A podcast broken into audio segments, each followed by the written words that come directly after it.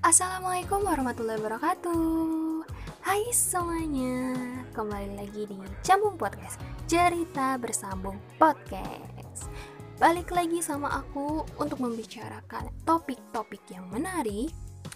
Jadi aku harap kalian gak akan pernah bosan buat dengerin podcast ini. Sekarang aku mau nanya gimana nih kabar kalian? Pasti baik kan? Karena kita sudah memasuki hari kelima setelah kita merayakan Hari Raya Idul Fitri. Aku ingin mengucapkan minal aizin wal faizin, mohon maaf lahir dan batin. Aku minta maaf ya sama kalian kalau misalnya aku punya salah dalam perkataan ataupun perbuatan buat orang-orang yang kenal sama aku ataupun yang gak dikenal disengaja ataupun tidak disengaja. Nah, karena kita sudah melewati hari raya Idul Fitri, sudah melewati hari kemenangan. Insya Allah berarti diri kita kembali suci seperti bayi baru lahir ya. Jadi alangkah baiknya ketika kita memulai hidup baru, dunia baru, kita selalu melakukan kebaikan dan jangan pernah lupa untuk bersyukur guys. Jangan pernah lupa untuk berbuat baik sama orang. Ya pokoknya be nice aja, be kind. Oke, okay? oke, okay, aku percaya sama kalian. Oke, okay, untuk sesi kali ini kita balik lagi di sesi rumbar, rumpi bareng cembung podcast. Kenapa sih Din balik lagi ke rumbar? Karena aku mau bahas salah satu topik yang mungkin menarik. Buat kalian dengarkan, buat kalian terima informasinya. Itu pasti menarik. Percaya sama aku guys. Jadi, seperti yang kalian lihat di judul podcast episode kali ini, kita mau bahas salah satu topik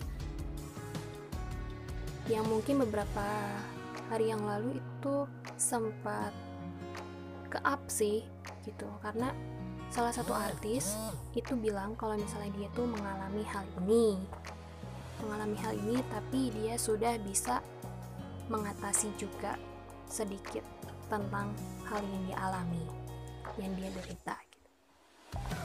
Artis yang dimaksud adalah Aukarin. Jadi Aukarin itu cerita di Instagramnya kalau misalnya dia mengidap thalassofobia atau fobia terhadap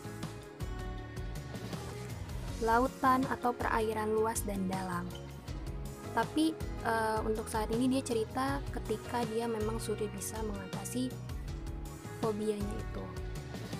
Dan kenapa aku pengen bahas tentang topik ini karena aku juga mengalami hal itu ternyata guys. Kenapa aku bilang ternyata? Karena selama ini tuh aku nggak nggak percaya kalau misalnya aku tuh punya fobia. Aku punya aku punya fobia gitu.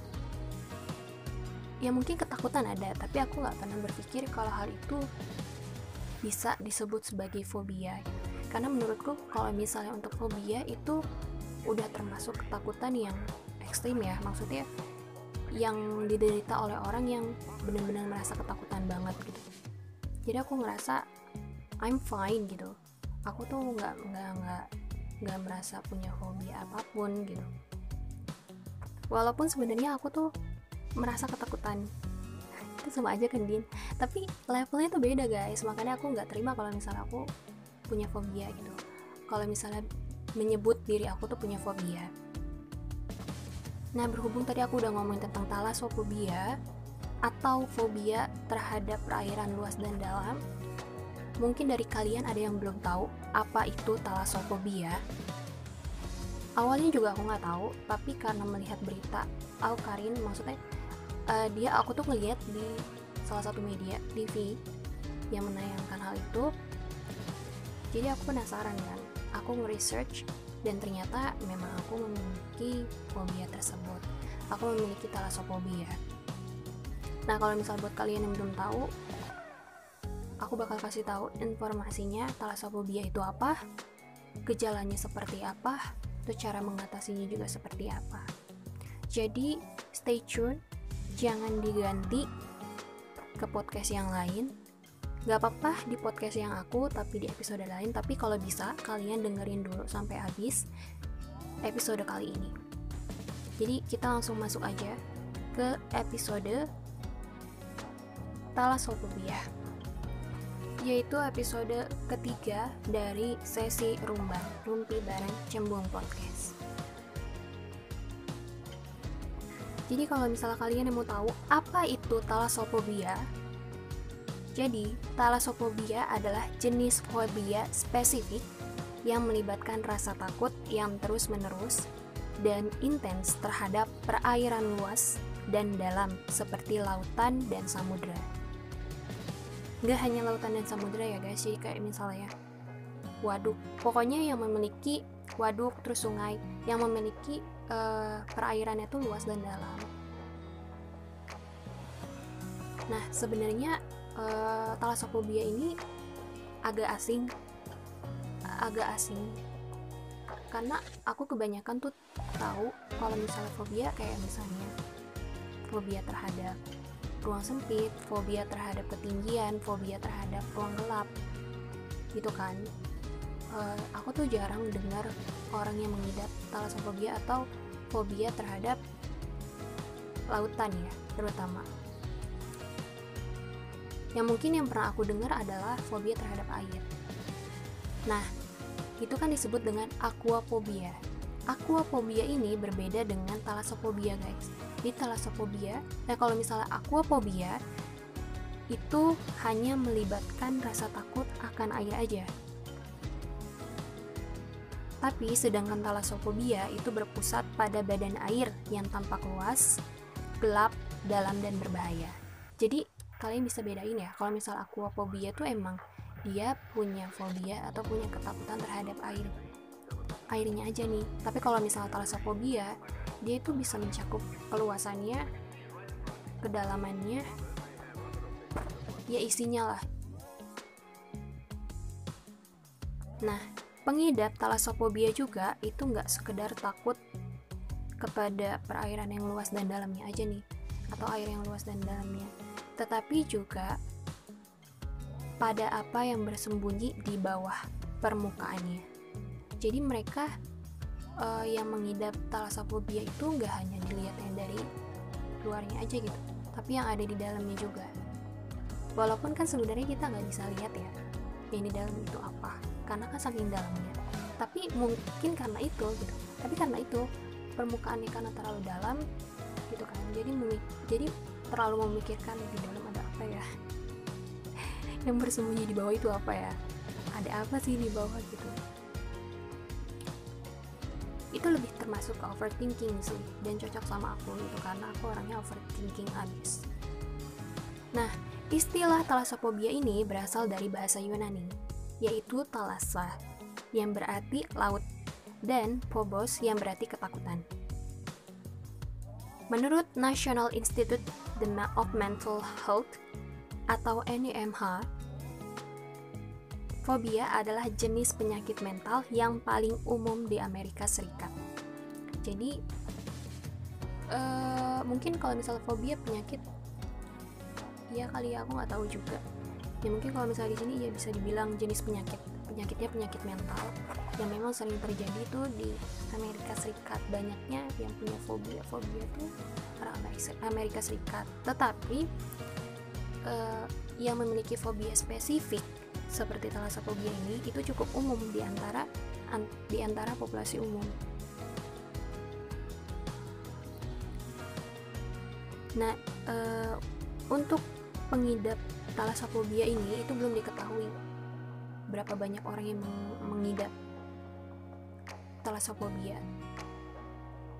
Makanya dari diri aku aja kan aku nggak tahu ya kalau misalnya aku punya fobia talasophobia, punya fobia terhadap perairan luas dan dalam atau talasophobia. Talasophobia ini umumnya dianggap sebagai jenis fobia lingkungan alamiah tertentu. Ketakutan terhadap lingkungan alam cenderung menjadi salah satu jenis fobia yang lebih sering dialami.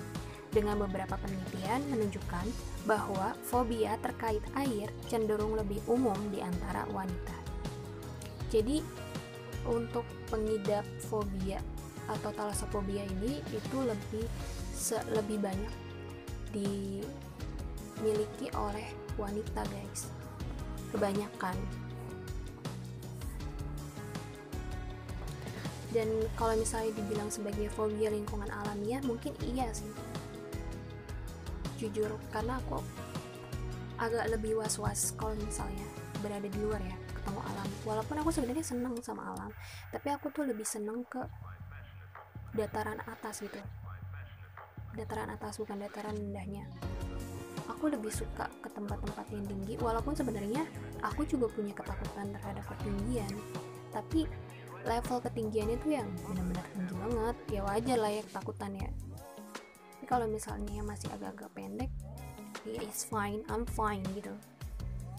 Ya makanya kalau misalnya ditanya sama keluarga mau mau ke mana aku pasti ngomongnya ya yang ada di, da di dataran atas bukan dataran rendah.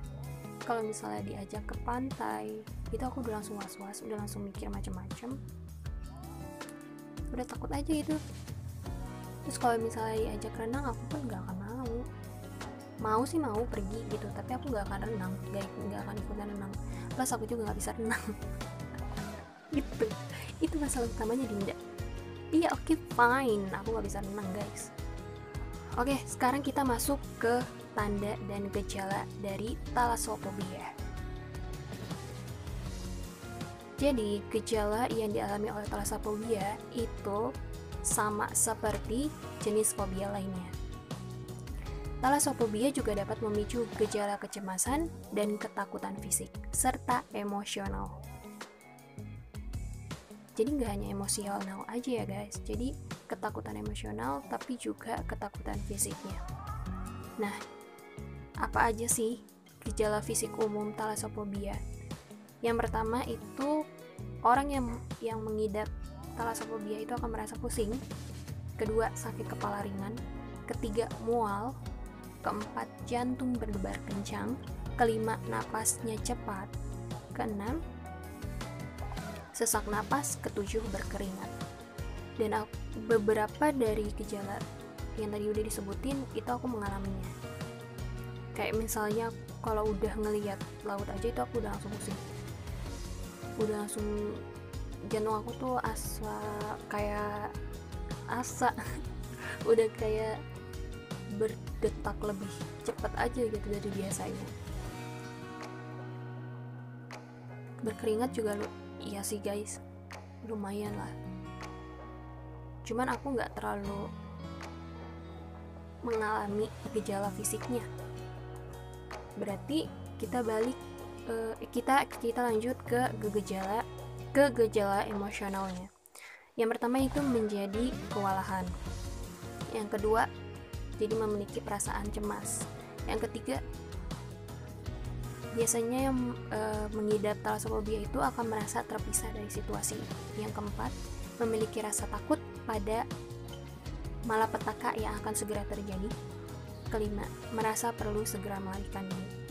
Aku mengalami semua gejala yang ada di gejala emosional ini guys. Jadi ketika aku baru ngeliat ketika aku ada di lautan gitu ya maksudnya ngeliat pantai lah. Dari jauh padahal dari jauh belum dekat gitu kita aku udah langsung ngerasa cemas aja udah langsung mikir-mikir aduh nanti bakal kejadian ini deh. Yang paling aku takutin tsunami guys. Aku tuh paling takut ke pantai karena ketika aku ngeliat ombak detak jantung aku makin cepat rasa takut aku makin banyak makin tumbuh banyak. Jadi aku tuh nggak suka sama pantai itu karena itu. Udah parno duluan udah ngerasa cemas. Parah sih. Parah banget. Tapi uh, ketika aku masih bisa datang ke tempat itu ke pantai itu berarti I'm fine gitu. Aku ngerasa aku aku baik-baik aja gitu.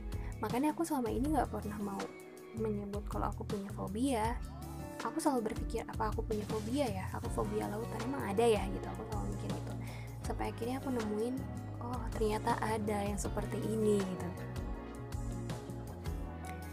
Nah, di sini tuh dikatakan bahwa respon rasa takut ini itu dapat terjadi jika bersentuhan langsung dengan laut atau perairan dalam lainnya. seperti naik kapal laut, terbang di atas lautan dengan pesawat, bahkan juga saat menerjang banjir yang cukup dalam. Nah, jujur aku tuh belum pernah naik pesawat ya. Tapi ketika aku, tapi aku nggak punya keinginan untuk naik pesawat. Gimana dong? Aku tuh punya keinginan untuk pergi ke luar negeri, tapi aku nggak punya keinginan untuk naik pesawat. Gimana tuh? Gimana gue bisa nyampe ke sana gitu kan? Jadi aku tuh udah ngebayangin kalau misalnya nanti naik pesawat ya banyak juga kejadian ya nauzubillah min zalik gitu. Banyak kejadian gitu. Aku selalu aku selalu merasa aku tuh selalu berpikiran itu yang malah petaka aja gitu yang bakal terjadi gitu. Karena takut. Takut melihat ke bawahnya itu loh. Apalagi kalau di bawahnya udah lautan eh, pusing. Ngap. Pusing ngap takut banget cemas. Udah nggak bisa bayangin. Aku kalau naik kapal laut juga gitu. Mual juga pusing takut gitu ya. Ya emang benar gitu. Berarti aku aku mengidap talasophobia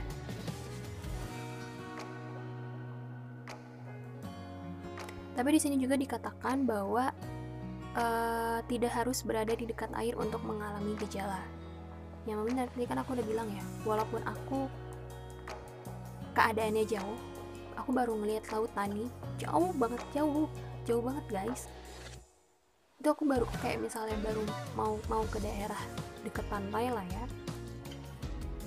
Itu kan pasti kerasa ya kalau misalnya udah masuk ke daerah-daerah lautan. Nah dari dari jauh tuh kan suka kelihatan tuh lautan gitu walaupun kecil tapi aku ngerasanya itu udah luas aja gitu luas terus dalam dan itu aja gejala-gejalanya tuh udah kerasa di aku Tapi ada juga nih buat sebagian orang hanya membayangkan perairan luas dan dalam, melihat foto air, atau bahkan melihat kata-kata seperti lautan atau danau, itu sudah cukup untuk memicu respons. Nah, kalau misalnya untuk di poin ini, itu aku nggak ngalamin hal itu guys.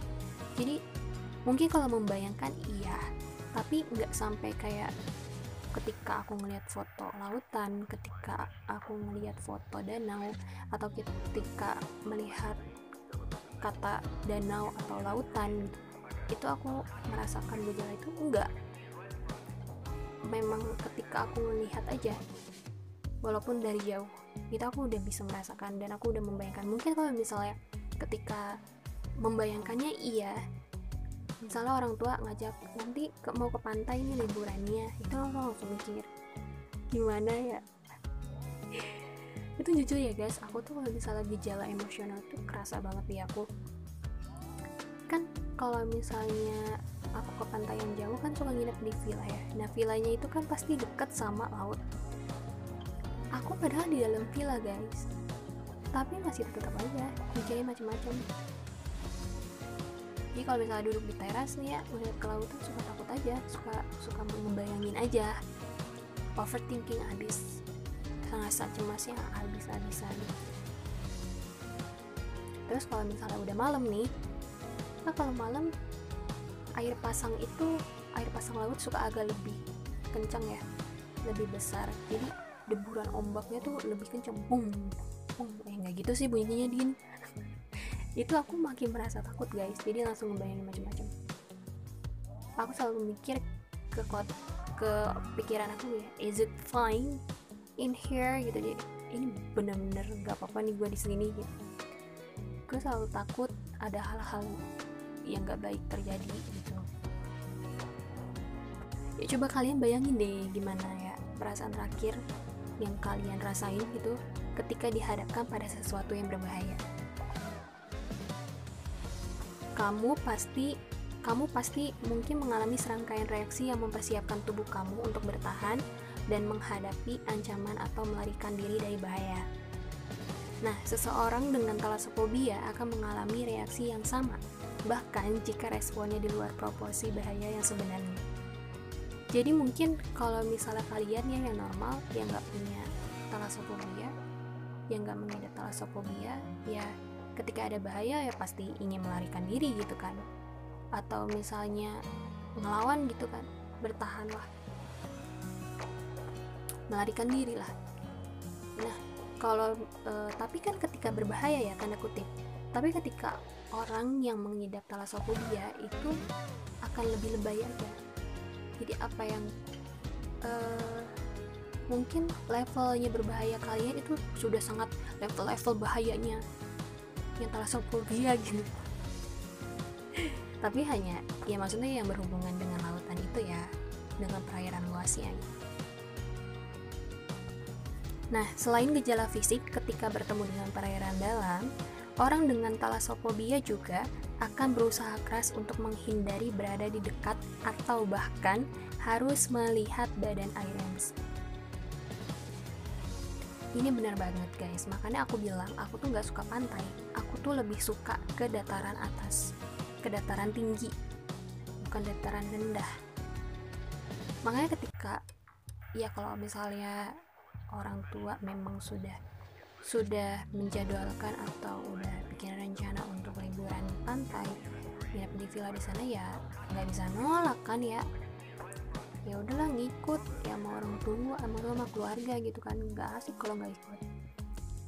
Tapi aku maksudnya jadi kayak mengantisipasi diri aku membentengi diri aku tuh harus kuat aku harus berani. Kan kadang juga kalau sama keluarga ya main-main gitu kan di pantai. Main-main di pantai gitu aku suka ikutan sih cuman tetap aja parno cemas cuman aku tahan. Tapi ketika memang diajak kayak misalnya kan kalau di lautan kayak main banana boat terus speedboat atau naik kapal itu aku nggak akan pernah mau. Para layang itu aku nggak akan nggak mau pasti nggak akan mau.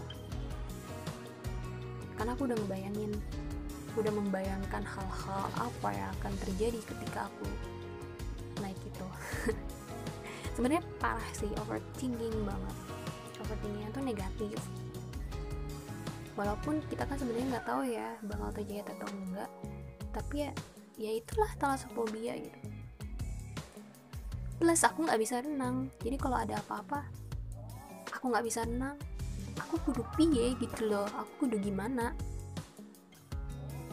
Nah, mereka yang uh, mengidap talasophobia itu mungkin mengalami kecemasan antisipatif ketika mereka tahu bahwa mereka akan menghadapi objek ketakutan mereka.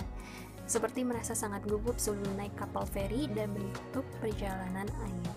Ya itu guys, jadi ketika aku tahu aku mau ke pantai, ya aku harus antisipasi, harus membentengi diri aku, harus kuat, harus bertahan Ya, menyadarkan diri bahwa lo nih mau ketemu sama apa yang takutin. Mau nggak mau ya kan? Nah itu dia uh, beberapa gejala yang dialami orang yang mengidap talasophobia kalau misalnya kalian merasa memiliki gejala-gejala tersebut ya mungkin sama kalian punya fobia yang sama punya ketakutan yang sama sama kayak aku yaitu talasophobia ya, mengidap talasophobia tapi maksudnya gini loh. Aku tuh masih tahu ini aku juga bilang mungkin kalian punya maksudnya mengalami kejadian ini supaya kalian juga tahu kalau misalnya kalian tuh punya ketakutan kalau kalian tuh punya fobia yang seperti ini. Ya kalian sebenarnya harus research atau enggak ya konsultasi sama dokter gitu baiknya gimana. Kalau misalnya memang kalian gak bisa mengontrol diri kalian sendiri gak bisa um, membentengi diri kalian sendiri gak bisa mengurus diri kalian sendiri gitu. Ya minta bantuan lah sama orang tua ataupun sama dokter. Kalau misalnya kalian udah takutan banget ya coba omongin gitu. Aku tuh nggak suka ini aku tuh takut ini gitu. Jadi orang-orang di sekitar kamu juga akan paham akan tahu. Tapi beda ketika kalian nggak tahu apa ketakutan kalian? Apa sih itu? Terus juga apa sih yang bahaya kalau misalnya dipaksakan atau uh, kalau aku nggak mencoba untuk melawan ini gitu kan? Jadi setidaknya kalian tahu dengan melalui informasi yang aku berikan ini. Nah, sekarang aku mau ngebahas tentang tips mengatasi serangan gejala talasophobia ya maksudnya kalau misal untuk yang mengidap talasemia itu pasti ada tapi untuk mengatasi serangan gejala yang tadi aku udah aku sebutin itu cara mengatasinya gimana aku bakal kasih tahu ke kalian. Dan ini aku juga research ya guys. Aku baca di salah satu artikel yaitu di halodoc.com itu dia mengatakan bahwa berurusan dengan talasophobia bisa menjadi tantangan. Tetapi ada beberapa hal yang dapat dilakukan untuk mengatasi dan meredakan ketakutan. Yaitu satu, strategi relaksasi. Ketika mengalami gejala yang berhubungan dengan rasa takut, sebagai respon terhadap air atau bahkan pikiran tentang air, cobalah teknik relaksasi untuk menenangkan pikiran dan tubuh seperti tarik napas dalam-dalam, relaksasi otot progresif atau PMR, dan visualisasi. Ini aku perlu tekankan sama kalian ya. Maksudnya fobia ini aku nggak tahu sih bisa bisa hilang atau enggak, tapi kayaknya kayaknya nggak mungkin sih, paling berkurang kali ya. Karena kan maksudnya setiap orang pasti memiliki ketakutan. Tapi dilihat dari porsinya, ketika ketakutan itu porsinya udah melebihi diri kita itu akan menguasai kita dan akhirnya kita nggak berani untuk melakukan hal yang kita takutin gitu. Nggak bisa keluar dari apa yang kita takutin. Tapi ketika porsinya itu lebih kecil dari diri kita ya itu artinya kita bisa menghadapi itu kita bisa mengontrol. Kan yang penting itu. Sebenarnya semua orang pasti punya ketakutan tapi porsinya aja. Makanya selama ini aku ngerasa aku nggak punya fobia gitu. Karena aku nggak mau merasa aku punya fobia. Tapi ternyata aku lihat-lihat oh oke okay. gejalanya hampir menutupi semua gitu. Tapi alhamdulillahnya aku bisa mengatasi. Nah itu ya. Yang pertama itu strategi relaksasi. Yang kedua yaitu self exposure Meskipun perawatan di bawah arahan terapis adalah yang terbaik, kamu bisa melakukan pendekatan swadaya untuk menghadapi ketakutan kamu. Mulailah dengan membayangkan diri kamu berada di dekat perairan yang dalam. Kemudian, gunakan teknik relaksasi yang telah kamu latih untuk menenangkan diri. Yang penting itu, kalian bisa kontrol aja sebenarnya. Bisa kontrol diri kalian sendiri. Kalian udah tahu gimana caranya untuk kontrol diri kalian sendiri. Kalian temuin caranya. Kalau misal kalian nggak bisa, ya coba yang tadi relaksasi. Tarik nafas dalam-dalam, terus pakai uh, PMR, itu juga visualisasi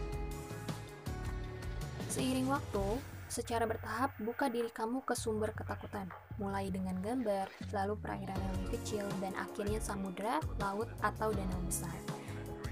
Kalau misalnya yang udah parah banget ya coba ya untuk melakukan ini. Kalian jangan jangan kayak merasa punya fobia ini, punya ketakutan ini, pengen cepet-cepet hilang gitu. Gak mungkin juga, yaitu balik lagi ke porsinya. Kalau misalnya kalian udah bisa ngontrol ya diri kalian juga pasti baik-baik aja. Buat yang uh, orang-orang yang misalnya cuma melihat gambarnya aja takut atau melihat tulisannya aja takut ya coba aja melawan dikit demi dikit aja jangan dipaksakan. Dikit demi sedikit itu pasti ya pasti membantu sih Nah, setiap setiap kali melakukannya yang tadi gunakan metode relaksasi untuk meredakan respon ketakutan. Balik lagi guys, jadi kontrol diri kalian ya. Relaksasinya yang tadi tarik napas dalam-dalam. Ketika kalian mengingat apa yang kalian takutin, fokus.